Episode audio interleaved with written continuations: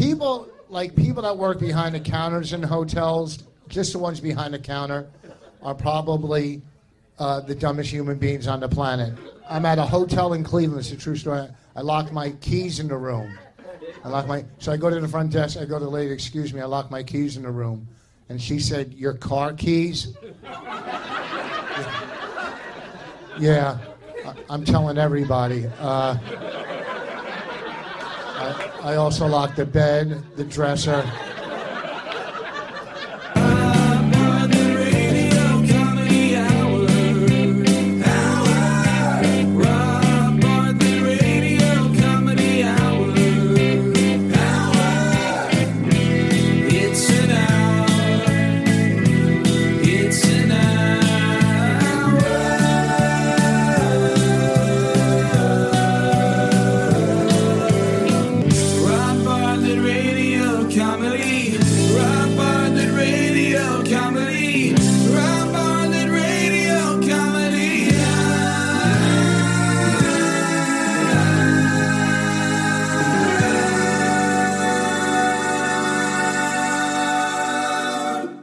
Welcome to the Rob Bartlett Radio Comedy Hour. I am Rob Bartlett. This is my Radio Comedy Hour, Season 6, Episode 1. We are back now doing podcasts because I'm back.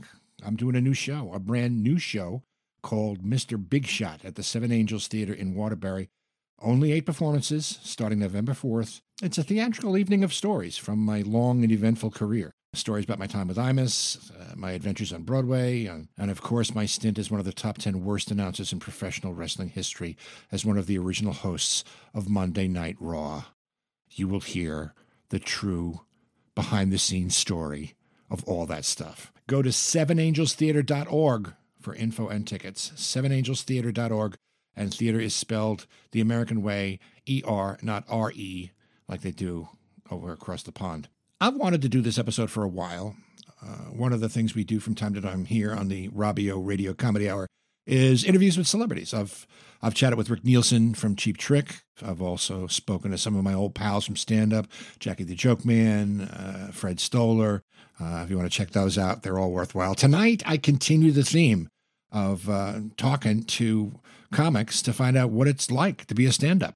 And this is a very, very special guest, Mr. Rich Vos. I know Rich over 30 years. Uh, he's gone from being an awful open micer, I mean, just awful, Jesus Palomino, to uh, to a regular at the Comedy Cellar, regular on Opie and Anthony, and tough crowd with Colin Quinn. Um, you'll hear the rest of his credits during the interview. Just an amazing career he's had.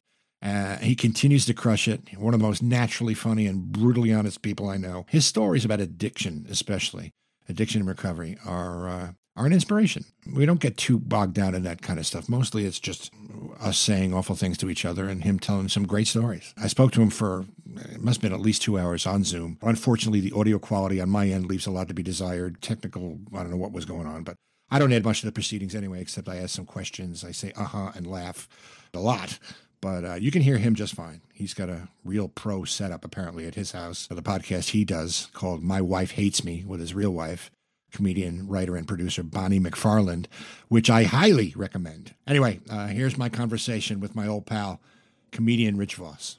This is a guy who I'll just be very honest. I never thought was ever going to get anywhere in the business. I just thought the first time I saw him, it was like this guy just doesn't have a chance in hell.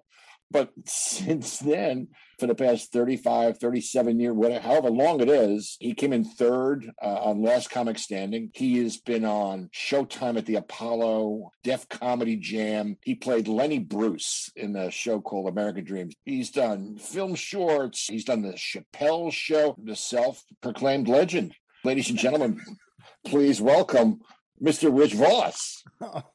Oh, you know what? I got to wrap this up. I can't follow that intro. Uh, yeah, I am a genius. Anytime I run into a comic that from you know that I've known forever, you could just there's a million stories. There's so Yeah. much to talk about because you know everywhere from doing Jerry Stanley one nighters to being to being backstage twice at the Oscars. And I'm not bragging. I'm not bragging because it's just you're, Well, you are. Let's be honest. So that's fine. This is this is all going to be about you, Rich. All No, no, you. no, no. But here's the thing: when I say doing one nighters with Jerry Stanley, there, that's not bragging. That's just coming up. And you know, just being backstage. And I mentioned at the Oscars twice because I wrote for the Oscars twice, uh, and got the Oscar gift bag. It's just there's so much in between that you know, and in the gift bag was amazing. But tons of certificates. Like there was a watch that was worth like twenty five hundred. I gave to Norton for as because he was the best man at my wedding. There was a pearl necklace like four thousand. There was trips all over the place. There was one gift where Wolfgang Puck's catering company mm-hmm. would come to your house and cook for ten people.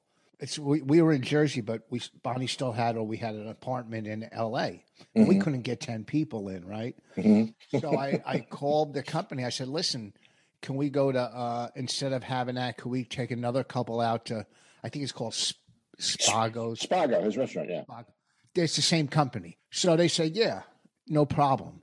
And so we went. We took another couple. Jimmy Dore, he's a gigantic podcast guy now, and our bill was like six hundred bucks.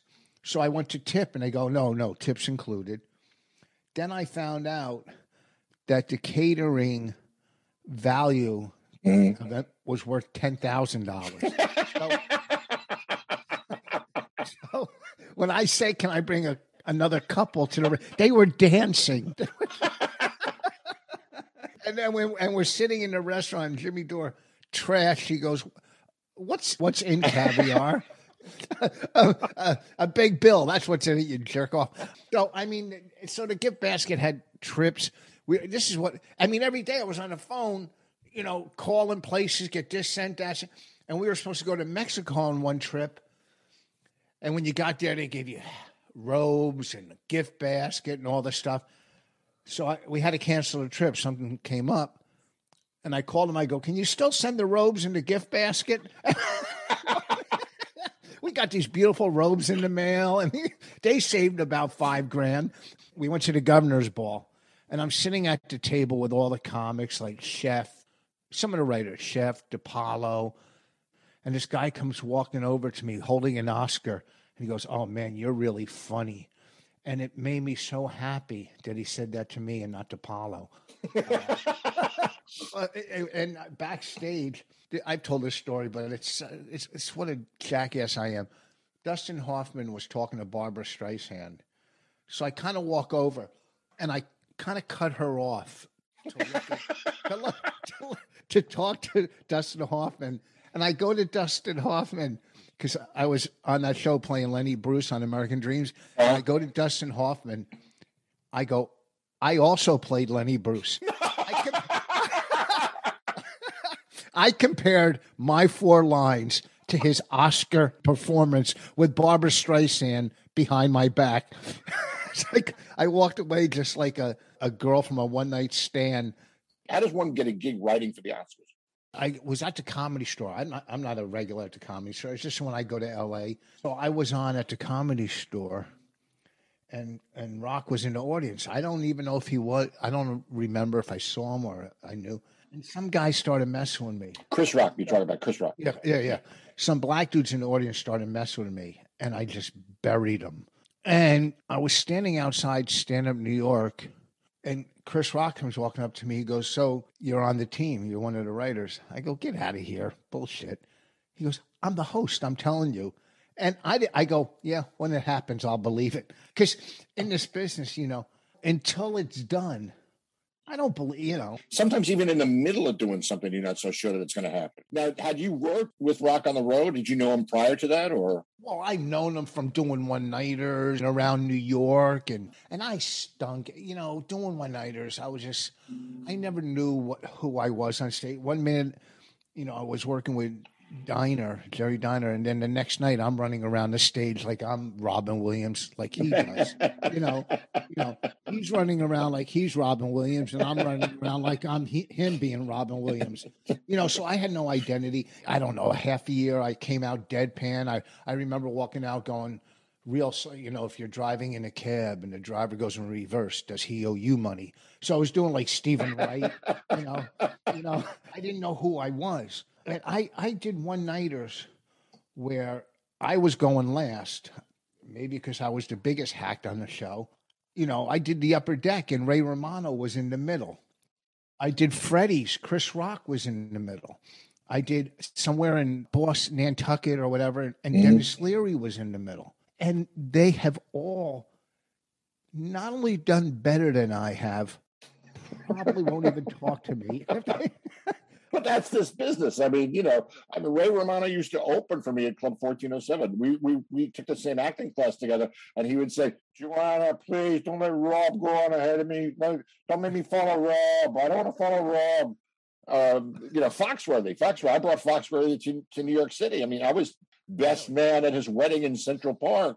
You know, I mean, yeah, I mean, it's just, but that's the way this business is you know and the thing is is that you, if you can hang on long enough you're going to work with a lot of people. Eddie murphy i mean eddie was one of the first people i worked with in the identical triplets of bob nelson and i mean he he had he had a little bit of success along the way. He did a couple of things it was fun. Who were your influences like when you first started? We all have one. There's always that one person that gave you the spark to want to do this. Well, I used to come home from school in fourth grade, and this wasn't my inspiration, but this is a, a, a good story. I used to come home, and every day I would listen to Vaughn Meader album, The 1st Family. hmm He did. He was, you know, I was in fourth grade. I was like nine years old. I would come home and on the record player, sit right down and mm-hmm. listen to and just and because he did the kennedy both Kennedys. And once they were shot, his career was done. He went from Park Avenue to Park Bench. He died a mm-hmm. full blown alcoholic. I would come home and listen to that, but that was I was nine years old, and my parents were in the middle of a divorce, and that I didn't realize then, but now was just covering the pain with laughter mm-hmm. that I was going through, not seeing my father and my mother and father arguing. So I used to love, but growing up, I loved like I would sit with my father and watch Ed Sullivan, Alan King. I love guys like Newhart, Landisberg. Then you get, you know, start smoking pot and Pryor, mm-hmm. you know, Dangerfield. I, I, I saw Rickles and Dangerfield before I even did comedy. I went and saw him. I saw uh, Rickles at, I think it was called the Latin Casino in Cherry Hill. I saw Dangerfield at the Garden State Arts Center because I always loved comedy growing up. I worked with Bill Hicks like a couple times on the road, and I thought he was brilliant. I, I, I, just thought he was so far ahead of his time. And, and, and, and throughout my career, just different comics to me. You know, obviously, you, when I worked with you, I'm going, I'll never be this funny. Uh, and, and, you know, and you and you were basically right i mean because Yeah. just it's just, luck that you got to where you are now I, I'm, I'm telling you, what are you kidding me? I took a shower for this podcast. I like the comics. I like them all, you know, anywhere from Brian Regan, Maria Bamford. I like more honest comics. I mean, Right. comics who talk from here, like Brian Regan, are great. You know, Seinfeld, great. But then you see someone like Colin or Patrice, Doug Stanhope, you leave the show and you know more about that person. So I, on stage myself, try to be as personal and as talk about marriage, recovery, whatever I could talk about. Also, it makes you more original. talking from experience you know first of all it is like you said it's honest it comes from a real place comes from the heart it's not something that you formulated in your head. You're sharing a piece of yourself. People always want to know. They're a fly on the wall. Anytime you can give them a little bit of a look inside who you are and it, it doesn't really matter what it is that you're saying or what you're doing or what you're relating even if it's like really really specific. It's almost like the more specific it is the more universal it is. Like Yeah. when you when you talk about your recovery not everybody in the audience is uh, cracking cocaine addiction. Everybody's been around addiction. They know somebody, or if it's not drugs or alcohol or gambling, it's spending money on. am- I'm addicted to anything that makes me feel good. I'm addicted to instant gratification. jewelry i'm going to say is your latest addiction i'm looking at you you got I, five rings each one looks like it's worth about 30,000 bucks and the star david he's got wearing around his neck ladies and gentlemen boys and girls out there is the size of a hubcap it's like what are you doing you're like a rapper i mean but you got a watch you know the size of a of a clothes dryer and you're gonna I just, you know what it is. I, I look. I got 40 pairs of sneakers. I, I can't stop. That's why I was a drug addict. I can't stop at one. Is this because you grew up in an all black neighborhood? Is this because you were the first white comic to ever be on Showtime at the Apollo? Has the African American community been responsible for shaping the legend he is today? well, I have experience growing up, going to block parties. And everybody brings food, you know, and you get down there, there's macaroni and cheese and collard greens and cornbread. And I come walking down the street with potato pancakes. They're like, You got like a noodle kugel in your hands in there.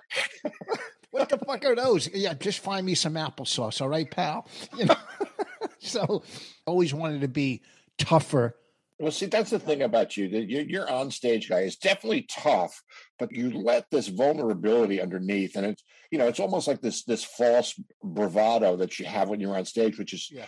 So I hate to use this word, but it's true. It's it's so endearing. It's like, and you're not afraid to be the butt of the joke, and that's I think one of the keys to your success is because you. you like to show that you're like this badass guy, and and you're just another asshole like the rest of us. That's what I think is so great. And I have literally seen you, you know, on TV and in a room live and on roast, especially. You are merciless. You are just. I have seen you whip a crowd into such a frenzy. I have. I don't think I have seen anybody kill as hard or as often as as you. Uh, I mean, you. just you just you just do it, and it's just it's and it's you make it look easy too. It seems so effortless. It just kind of goes. And one of the things about being in the business that that I find really interesting is that we don't we very rarely laugh out loud at another comic. We're always judging. It's always like, oh, that's funny. Oh, that's Yeah. funny. But you have made me laugh out loud. You know, and there are very few guys who do that. I mean, Dave Attell makes me laugh out loud.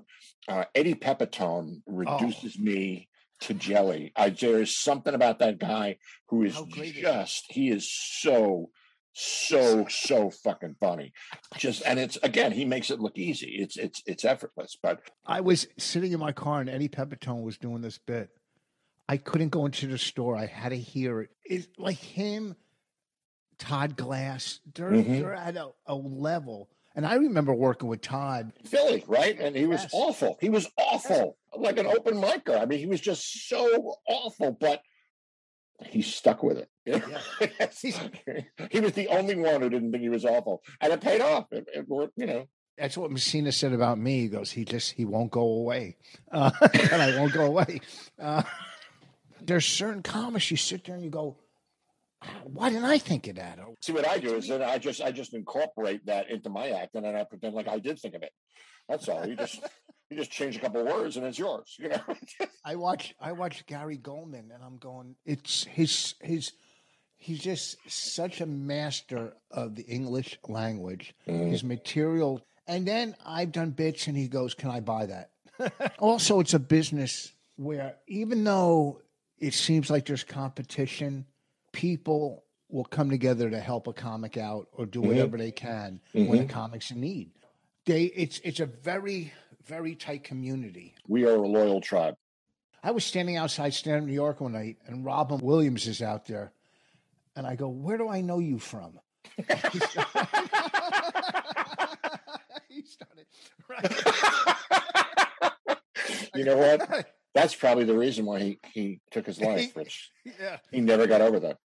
I've sat at a table with with uh, Chappelle, Louis C.K., Chris Rock, and you know, just at the back, and you're sitting back there, or you'll do radio with you know J.J. Abrams, and they're they're no better than the next person in life. Like Chris Rock had the best bit at the Oscars. It was such a clever, smart bit. He, you know, he goes, "You come to the Oscars, red carpet, limousines." He goes, "You go to the Nobel Peace Prize awards, you could park right out front." You know what I mean? Sure, it's perspective. You gotta have a perspective, you know. And I think that's the that's the key to the survival in this business is having that perspective. You know, you don't have something else besides this, you're in trouble. I mean, you got a wife, you have you have daughters, you have another life that is outside of what you do for a living, and that's that's what grounds you. That's what keeps you from from going into that dark place. You know. Yeah, I mean, a month ago, my basement flooded. I've been working on my basement, cutting sheetrock, taking out insulation, dehumidifiers, fans, mopping up, you know, getting ready to sheetrock it. Unless I have somebody come in, I have an acre of property. I'm out working on my yard, planting trees, doing whatever. And my wife is in Austin for two months. She's an executive producer on a Netflix show. My wife is brilliant, a writer, director. She's on the set running the show. They always come to her. What should we do here? What should we do here? The people above her, the top, eh, Netflix. What should we do? What? Because she has a vision. When we made uh, "Women Aren't Funny," you know, you know, the documentary you made, she filmed stuff that she knew was going to work a year later. She doesn't know how to pick husbands, but let me tell you something. Rich has been married to a comic by the name of Bonnie McFarlane. Uh, how long are you guys married now? we just celebrated in September our 16th year anniversary. Okay, so you've been married 16 years. You have a daughter together. You met Bonnie on Last Comic Standing, right? Is that how? No, what, no, what happened was I was working the cellar and I see this girl walking down the stairs and go, oh, look at her. And I go, oh, that's that comic that went out with other comics. And she walked down the stairs going, oh, that's that guy on Last Comic Standing. So she walked down just to see me because she was a fan of Last Comic Standing. She was watching the show. And I went on and I, on a one to 10 scale, my set was probably a four. I don't even think she watched the whole set. I stunk because I was nervous. The next day I call Estee, who books the comedy cellar. I go, Can you give me that girl's phone number? So she called Bonnie, and Bonnie said, Under no circumstance, give him my number. So, so then I went to the cellar the next night, and she was there. And then uh, we went out for pizza, and I went down on her a little in the car. That that always helps to break the ice. I find, you know, with a woman, if you could, you know, if you could perform a little cunnilingus on the first date after pizza, was it before or after the pizza? It was Um, after. Okay, all right, so that's good because you still have the little garlic in your breath because that's something aphrodisiac. I'm such an asshole. I don't know. I was sitting there, we're having pizza at, at Nick's up by Stand Up New York, and I was sitting there with her telling her what a genius I am. And she was she was probably going, This guy's a real fucking asshole. Why should she be any different than the rest of us? Um, and you guys have been doing a podcast. Is nine years now? You've been doing My Wife Hates Me. Such a great podcast. It, feels like it's a real peek into your relationship. I mean, you guys kind of get into areas that are a little uncomfortable to listen to. It's real, and you all kind of lay it out there. And you know, obviously, there's great chemistry between the two of you, and it's so entertaining because she just slaughters you every show. She just slaughters you, and it's really it's so satisfying to just see her just eviscerate you. What is it like now? that This I've always wanted to know this. Sometimes you see people in show business, celebrities who who marry each other, and the majority of the time it doesn't work.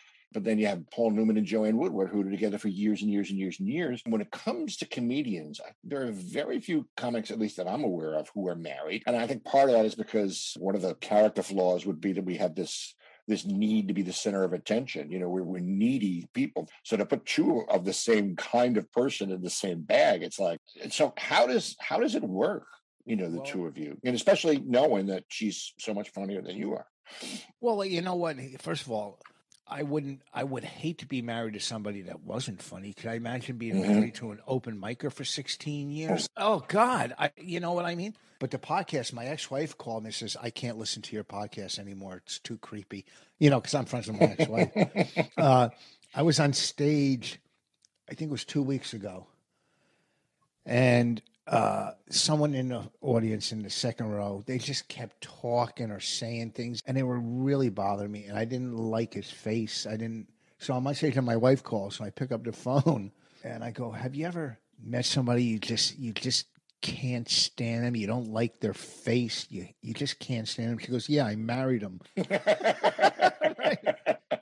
Then, then I started calling my kids that night on stage. Call my, I called my 14 year old.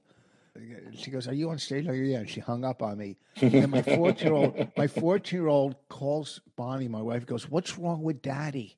He's calling me from the state. A brain surgeon doesn't, in the middle of an operation, call their kid and go, "Did you clean the litter box?" Is there competition between the two? I mean, is, does that enter into it at all? there's no competition and i don't none with her but with me at times i get mm. jealous.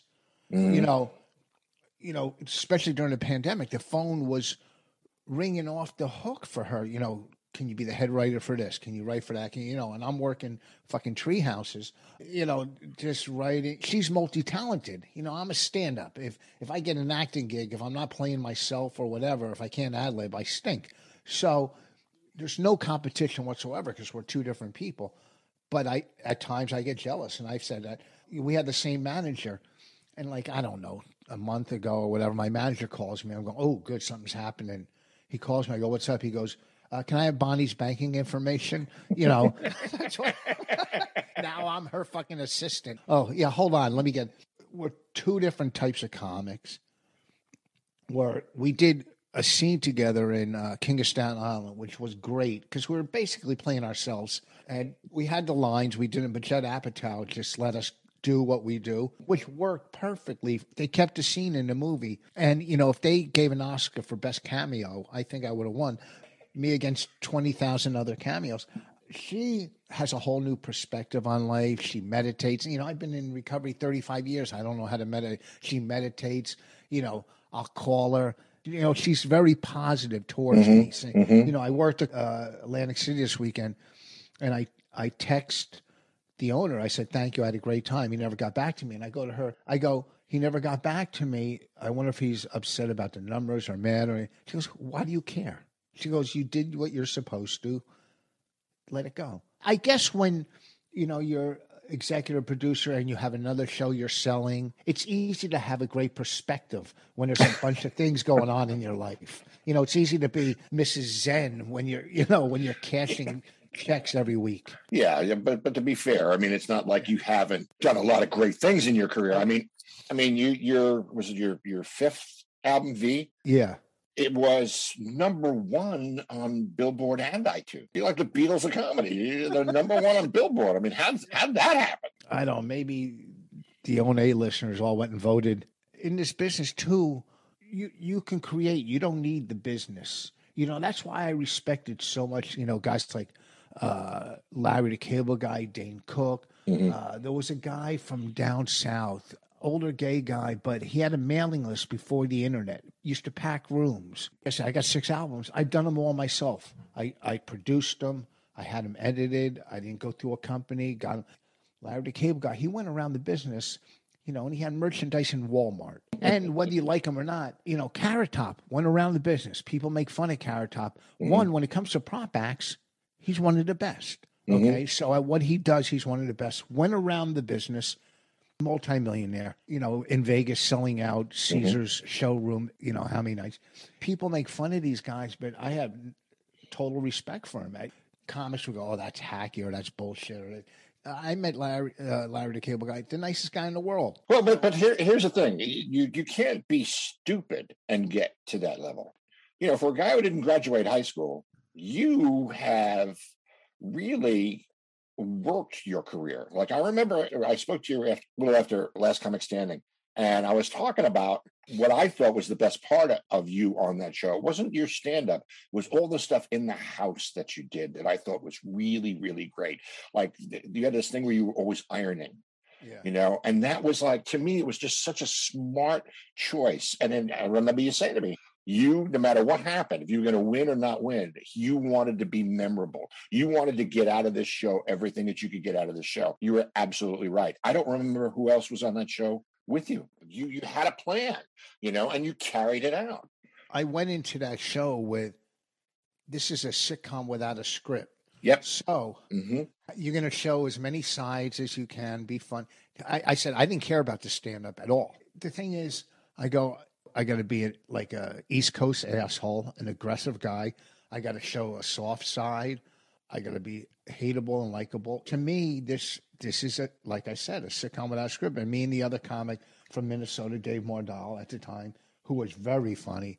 You know, we would think of sketches or things to do. We took a bath together, like, and you know, they showed him in the bathtub, and then it cut to me and him in the tub together.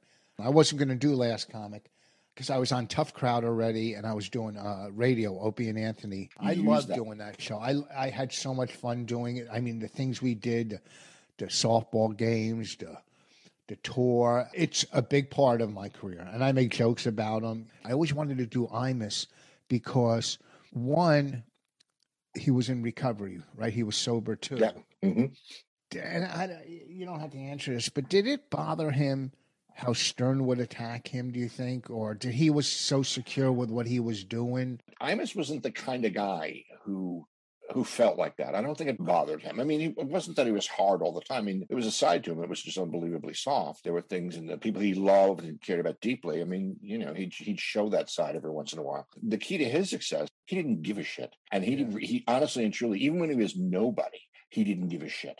He worked in a department store doing the windows, and they fired him because he one night he got drunk and he put them all in these sexual positions. It was like the Kama Sutra with the mannequins and the Get out of here. yeah, and, and he didn't because he didn't give a shit. He never gave a shit. He wrote the rules. There was no program director. There was no general manager of any radio station he ever worked with who could get him to do anything he didn't want to do. And that I think was the key to his success because he was so resolute. When he died, he had 33, 34 years of sobriety. How did you meet him? Like, I used to listen to him in high school. He had his clock radio. And one morning back at uh, WNBC, when he would play records, he was a real disc jockey.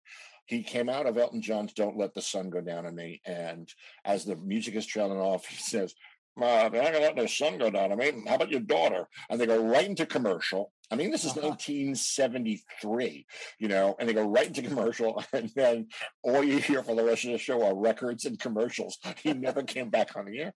Um, I was doing a benefit for uh, Starlight Foundation, Jimmy's Comedy Alley. Remember Jimmy's? yes. Comedy Alley, based on Linda, Queens. Linda Cork. Yeah, Linda Cork. It was an old bowling alley, and they turned it into a comedy club. It was a great club. And I used to do Soupy Sales show. Soupy was on WNBC because I used to work with Soupy at the bottom line. And Soupy couldn't have me on for whatever reason to promote it. And I'm doing a one nighter. It was like either a Balazos or a Jerry Stanley one nighter with Mark Sheff, who was IMUS's producer at the time. He said, Why don't you come on and do IMUS? We do comedians on Friday. So I went in and I did the Tom Carvel bit, I think. And he Uh-huh. loved it, invited me back anytime. I took him at his word. I just show up and then um, you know, kind of became a regular. Then he went to he went to rehab. Um, and they had me come in a little bit more frequently. And then when he came back, they they moved to WFAN and they uh, they offered me a contract to be a performer and head writer on the show. So that's how I fell into it. A lot of it you worked from home too. A lot of it, right? Or did you go? I used to phone it. Well, initially, when I first went to WNBC, I would be in the studio live and I would do live bits.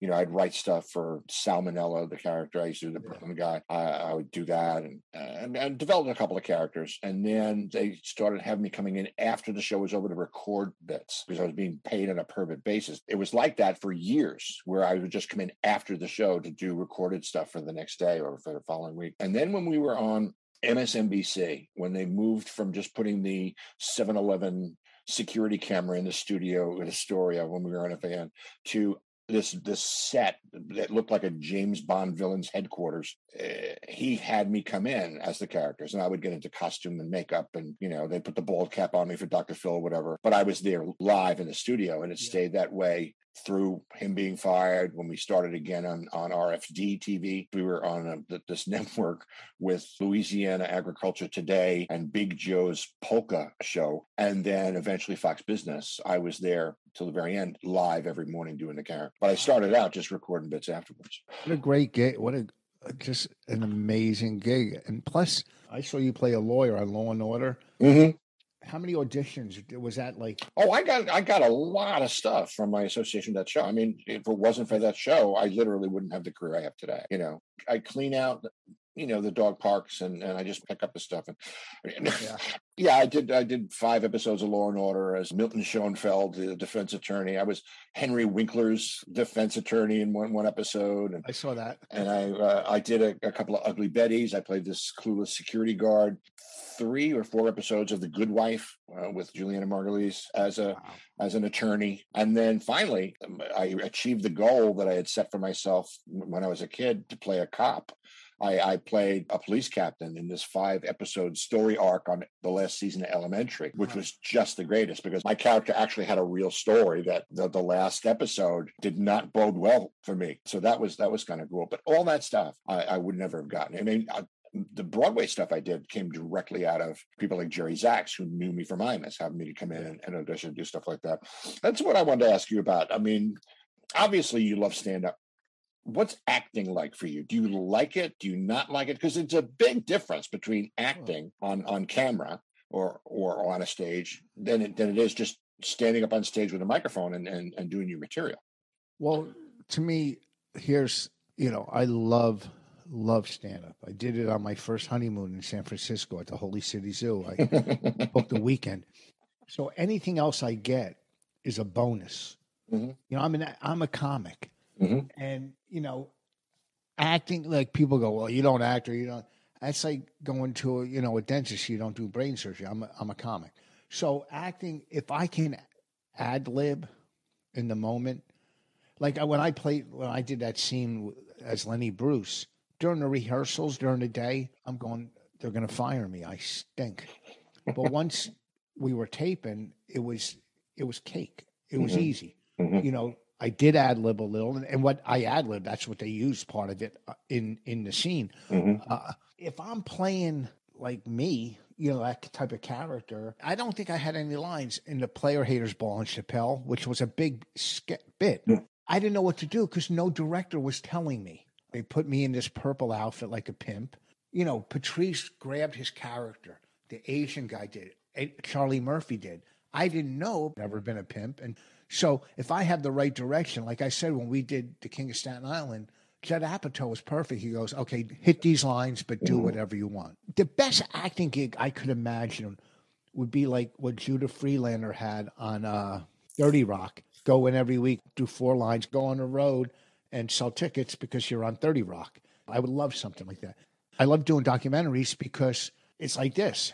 Mhm. They're asking you questions, and you could be funny, or you could, you know. So acting, if, if something comes along, it comes along. And stand up, I could keep creating. I'm trying to get together enough to do another uh, seven albums, Mhm. and I I got these a couple new bits that I look forward to doing on stage. And Bonnie, she goes, "You got to make a do a crowd work special." I I didn't want to do it because it came too easy. I'm not bra- It's just it was easy for me. I'd rather do material because I'm known. People know oh he does crowd work, but all my albums are material. You, you get oh he does crowd work. But here's the thing. You know, when I see someone like Colin with one man shows and they're, I just want to sit down and tell stories now. I don't need that laugh every couple seconds or minutes or whatever to fill this empty hole because I didn't get hugs as a kid. I don't need that. I'm not Eric Bogosian or, or Spalding Gray Mhm. in between something like that. You know what I mean? What is your writing process like when you get an idea for something funny? I mean, obviously. Your stuff is coming from your life, your observations, your point of view. How how do you then turn it into a bit? Jerry Seinfeld, I found this when I worked with him at the comic strip in Fort Lauderdale. Uh-huh. He set aside, I don't know, three hours every single day, sat down with a notebook and wrote every single day. He had discipline to do that. I've Yeah. never done that. My process was always I'd get an idea and then I would try it on stage that night. Yeah. I would just go with it. I just start free associating and improv, and you know maybe it was my acting training, whatever. But I never actually sat down to write something on a piece of paper. What's your It's process the like? exact same thing. I, I, I could show you on my phone. I got, I write three words on my phone, the idea, 3 Mhm. words, and then Mhm. I work it out. That's why I don't have ano- another album yet, because for a year I didn't, I wasn't on stage working Right. stuff out. Right. Like if I'm doing, like when I was doing like Tough Crowd or Joy Behar show where they send you topics, Mhm. then I'd write a couple things on those topics. Right. But for stand up, I'll make it work on stage. And if I think it's funny, it's funny because I know funny. You know funny. hmm You know, I was do- I was doing a, a club in Chicago, and the girl in the front row uh, was blind, and I talked and I wrote a bit out of it. You know how sweet she was. Da da da da. You know, people are people, and I didn't want to talk to her about being blind. But I asked her, I go, Were you born blind? And she said, Yeah. And I go, Since you are blind, why are you wasting the front row? uh, can, I mean, isn't your hearing supposed to be a little better? Can't you head to the back? Right? So, so, right. I ad libbed that on stage with her, and she was the great audience member, Leah. Mhm. And I turned it into a my opening bit because I, I come out, I got a sweet story. I could have never sat down and thought of that and wrote that bit. hmm It had to happen. You know, when my house burnt down, I wrote a bunch of stuff, you know, eh, with insurance companies. You know, when I was dealing with them, I'm an honest guy. Just wanted what I lost, you know, my two Monets and a Warhol, you know, stuff, you know. you know, like when I did Def Jam, they had one of my reunions maybe 15 years ago, whatever, I don't know. So they asked me to come and do some time there. So I said, yeah. And I went up, and Bonnie came later and saw there was like five other white people. She goes, "You really did go to an urban school, a black school?" Yeah, but I grew up in that neighborhood where I played sports with with all the kids. Then I sold pot and did whatever, went to parties. For the comedy I try to do or want to do, the more you know about people and life and what's going on in this world, it's easier, like you said, to connect. That's all. It's easier to connect. And when I was doing the urban circuit, well, one I started because I had two kids. I go, I got to make, I got to make money. And there's, look at this. There's clubs that I never even, you know. And next thing you know, I'm doing Def Jam, HBO's biggest show for five years. They never had a white guy. I, I do it. I was as scared as I've ever been in life. A lot of sisters in the house checking me out, huh? Remember, once you go white, you go right back to black. Shit, I'm not like the brothers. I'll eat the coochie, okay? That's what I'm talking about. My sister used to go out with a black guy. I said, what's up with that? She said, once you go black, you never go back. I go, that's because our family won't let you in. You are one of the few comics who I know who has worked in front of exclusively black crowds. Is there a difference between those two types of audiences? Well, one, a white audience is more uptight, but they're more forgiving. A black audience, you got about 30 to 45 seconds to prove yourself. if you do, they'll give more. They really, you know what I mean? I in Live in Color where the kid person's head blows up watching Jam. You know, they're they're a great or they. Someone will take this sound by me going they. You know what I mean? Like That's why I'm going to actually promote this show now with that clip. On the next Rob on the Radio Comedy, on a racist comic, uh, Rich Vos. to me, a mixed audience is the best, but white people are they're the worst. I mean, you got to admit. I mean, they're hypocrites. I was doing a, a club, uh, these three black girls. I was talking to them. They were great. I go, uh, I go, what's going on? What you know? You she goes, oh, it's my birthday, right? And there was a table of white ladies next to him, you know, middle aged, and they started clapping, right? I go, you wouldn't be clapping if she moved next door to you. So shut up, you hypocrite, right? They're such phonies. Okay. Black people are not phonies. I've I've always experienced that there is a genuineness to a, a black crowd. They're very very attuned to bullshit. If you're good and you're worthy, they let you know it. But if you're phony and you're coasting, they let you know that too. Which is, you know, it keeps you honest. I remember the first time I opened for the Temptations in the Four Tops at Westbury Music Fair. Three thousand predominantly black people in the audience, and to, to kill in front of an audience like that, there's just it's so much more rewarding because you know there's no there's no pretense, you know, more real, more honest, and and very satisfying. One, the Temptations were one of my favorite bands growing up. You opened from, uh, I guess, with Dennis Edwards uh, at the time. I mean, David Ruffin had to be gone by then. When I worked with him, it was like the eighth or ninth iteration. I mean, three of the guys were white, so you know, This weekend, I'm at the Stress Factory in, uh, in New Brunswick, which is great because it's 20 minutes from my house, 25 minutes. I'll get some Jersey people there, maybe some people I grew up with in high school. Oh, I, let me tell you this story. Let me. I used to hang out with this Scott, Scott Minister. We used to mm-hmm. pl- be on the Orioles.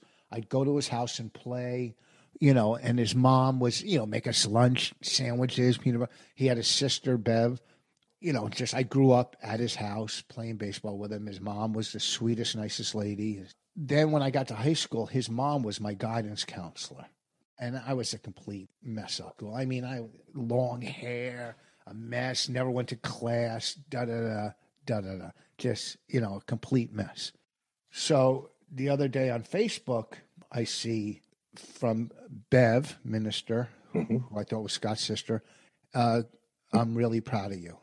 And then I wrote back. I wrote back, "Thank you. I'm proud of you for being proud of me." I go, I go. How is Scott and how is your mom, who was my con? Mhm. Then she wrote back and goes, This is the mom. I'm 90 years old now. So Mrs. Minister, who was my guidance counselor, who saw me at the not the worst, but headed to the worst part of my life, wrote, I'm very proud of you. And it was one of the highlights I've had in in, in, in, in a long long time. This was my guidance counselor. And, and I don't care about the proud about being a comic or what I've accomplished. It's for being sober, most likely. She saw me starting my drug addiction. So it was kind of cool to get that from her.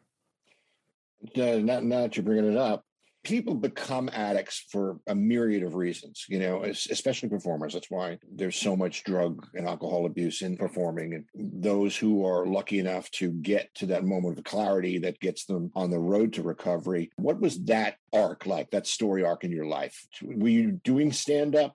You start off, you know, I guess I was in ninth grade smoking pot, partying, and. Mm-hmm robbing and being, you know, I, I even say this on stage. I owed every dealer in town money when I, I had an old Dodge pickup truck and I had a painting business. And every Friday I would paint the pickup truck a different color with house paint, you know, because, oh, there goes Vos. No, he had a green truck. Uh, you know, he had a red.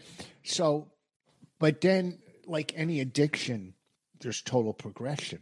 I'm doing comedy and I'm freebasing you know, and I find comics. You know, I, I remember with Woods one night, who was the nicest, sweetest guy in the world. We go, hey, let's go get some freebase, some crack, whatever. You, I like to say freebase because it sounds more distinguished. We did a one nighter, then we go to New York, and I take a cab uptown.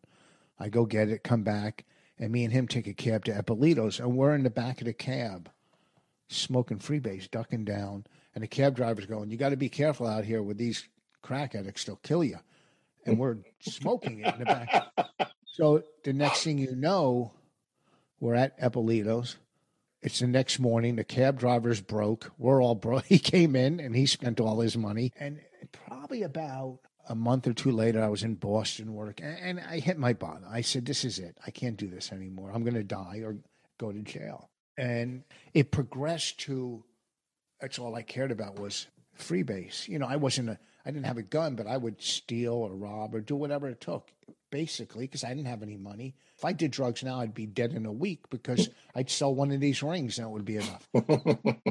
and so, like I, and you know the story, I called Gary. I said, Look, I'm going to rehab tomorrow. Do you have a gig tonight? And he gave me BF Packies, and I did it. I got $60. I went to New York. I smoked four vials because I bought cigarettes a freebase to the morning. Mm. My mother drove me to rehab, and I've I haven't picked up a drug or a drink since that day. And when I was in rehab, they said, "Oh, you got to stop comedy for for a year." And I I did comedy the night I got out of rehab because with drugs, I completely surrendered. The key to recovery is surrender because the physical part of addiction, which there is no physical part with cocaine, but there is with heroin, barbiturates, whatever.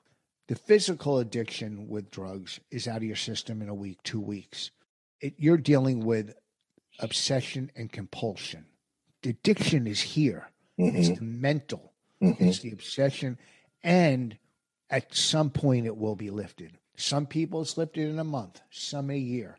But once the obsession and compulsion is lifted, once you surrender, I lost. It won. I mm-hmm. lost this war at some point the obsession and compulsion will be lifted and it makes it easier not to pick up a drug or drink a day at a time. That's all. You're not obsessed. And an urge only lasts for 15, 20 seconds. If you don't act on that urge, and then the urges are far and few in between, and the next thing you know, you got a month, a year.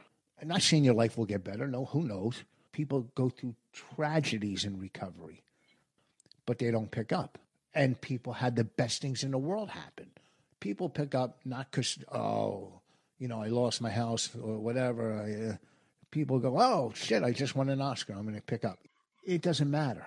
You can change your life, whatever it takes. You got 35 years one day at a time. So yeah, I mean that's that's a success story right there. I mean, if put that under special skills in your resume, you know, that's that's a that, that's no, that's a real accomplishment. You know, knowing Imus and knowing how many years he had been an alcoholic and then seeing him every day and, and how he lived his life and what he got. And uh, once he was able to beat that, you know, those urges, like you were saying. And then he exploded. I mean, got on Time Magazine's cover, one of the 100 most influential people in the world. So it's, it, it's, it's inspiring to see somebody as yourself who is so so successful in what he does so well known so so beloved. I'll say that, um, and and to see where you came from and where you got, it's it's it's great. I mean, it's just it's it's it's something you should be really really proud of. I never got Time magazine, but I got a write up in Shecky magazine 15 years ago. Uh, That's huge. I've never been mentioned to Shecky Magazine. I'm I'm impressed with that. Did you ever perform high? I yeah, or I didn't show up. I mean, I I performed high on pot or alcohol many times. And I was doing someone. I was doing a weekend somewhere with Hal Spear, and I was hosting. And I don't know why I smoked freebase before the show and drank, and I'm behind the stage, passed out. And you could open the door and see behind the stage, and Hal opened the door, and I was like, you know, say, did you perform high? I was only doing comedy for maybe two years, three years at the most, and I stunk to begin with, so it didn't really matter. You know, I was just some fucking horrible hack, you know, in a business thinking, oh, this is about partying and. And I go, wow, this is great. Look at the free alcohol. People in the audience giving me drugs, meeting girls, and this is crazy. This is. Then you you realize you're going to die. You know, look, in life, you're where you are when you're supposed to be there. You know what I mean? Yeah. You know, John Lennon, life is what happens to you when you're busy making other plans. Winning is being able to ride that that roller coaster. I used to go to my daughter's basketball games and watch both of them. I'd sit in the stands with Bonnie, my ex-wife, her husband, and just watching my daughters varsity high school starting basketball. I, mm-hmm. I got so much enjoyment. I Well, parenthood, and, and you'll see when it comes time, grandparenthood, those are two of the greatest things ever. If I didn't have both of those, what I do, you know, standing on stage and sticking my dick in a chicken, I mean, that's that's that's nothing. That's not how I define myself. No guy, your girl will never leave you. I don't care if she's a supermodel. but All you got to do is find her weakness, her insecurity, and and and then you swoop in and take advantage of it. Listen to me. Say say you're with a girl and she thinks her hand is just a little too big. You have to really make her believe, bitch, you got the biggest hand on the planet. You're lucky I'm fucking you with that frying pan hand. Nobody else is gonna fuck you with that gargantuan hand. But I love you for who you are. Although you did deceive me when I first met you and you waved with your good hand. And then you got out of the car and I thought you were dragging a raft. You know, not every show is an interview show, but this was just the greatest. This was, and, and you. you know, thank you so much for for doing it and and for being so honest and you're a major uh, influence in this business. I mean, holy shit! You know, when you told me to dress for success, look what I did for this. uh, and I'm not kissing ass, but you were very influential. But you were always the nicest guy. You were never like I, I don't know, like a Steve Rizzo. I'm just throwing names out. Uh, you were you were always like a nice guy and, and humble and just you could tell you loved comedy and get to work with you. It was like fucking amazing. Uh, and now I hate to say lose my number. fucking Rob Bartlett. What are you fucking kidding me? uh, You know, I really wanted Bonnie, and she was obviously not unavailable. She's in Austin, executive producing. So you, you helped me out a lot by by stepping in for me, Yeah, I really appreciate it. You know, and it's, it's listen. I was gonna. I, I was gonna do this or clean up from the flood downstairs. I go, they're basically the same level. Uh, But do you have anything anything major coming up that you want to hit? Something that you're major? Yeah, I, uh, in November I'm having another upper endoscopy. Uh, Okay. that'll. Yeah, you know. okay. And then are you going to record that? Is that going to be available on iTunes? See, Look at I can't get a camera on me, but I can get one in me. I stink. My wife hates me on wherever the fuck it is. right. My wife hates me. Definitely check out My Wife Hates Me. See anything Bonnie McFarlane is producing. Go on, go on iTunes and see all the stuff that, that you can get. That's Rich Vos, and and and see him if you get a chance live because uh, I I guarantee you will you'll laugh your ass off. So thank you, my friend. God bless. And one more thing. And with that, he hung up. He is a master of the abrupt exit. It's it's the best. Rich Vos, boys and girls, go see him whenever you get the chance. Um, and definitely listen to My Wife Hates Me, the podcast he does with his brilliant wife, Bonnie McFarlane. And if you haven't done so already, subscribe to us wherever you got this episode. That way, whenever I get around to actually posting another one, you'll have it waiting for you. Uh, stay in touch with us at the Robio on Twitter, Robio Radio Comedy on Instagram. Also, if you want a great one of a kind gift, you can find me on Cameo. I'll do a blind Mississippi White Boy Pig Feets Dupree blues song, an original blues song for your loved one's birthday or anniversary, or for Christmas. How about a personal one of a kind rendition of Salmonella's Night Before Christmas in Brooklyn? And don't forget, come see my brand new show, Mr. Big Shot, at the Seven Angels Theater in Waterbury, November 4th through the 13th. November 4th through the 13th, songs and stories from my somewhat multifarious career.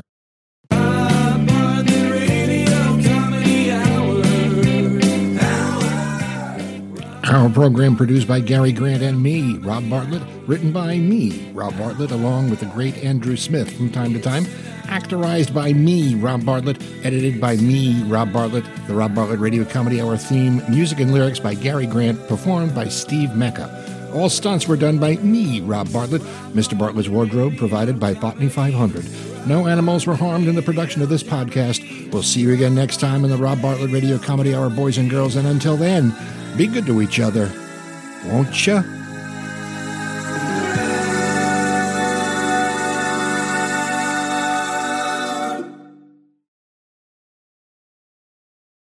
I was in a hotel recently and my, my coffee pot didn't work. No big deal. I go to the front desk. I go to the guy, excuse me, my coffee pot doesn't work. He said, Did you plug it in? really? No, I, I thought it was a pull start. I, uh, the, the conversation should have been uh, my, my coffee pot doesn't work. He says, Okay, I'll send another one. That's it. Then he says it's not dripping. Probably why it's not working. He said, What do you think is wrong? Well, when I took the back panel off, I, uh, I noticed the fan belt by the percolator was snapped. I'll, I'll tell you what's wrong. There's no fucking coffee in the pot, okay? If I want a cup of make believe, then there's nothing wrong.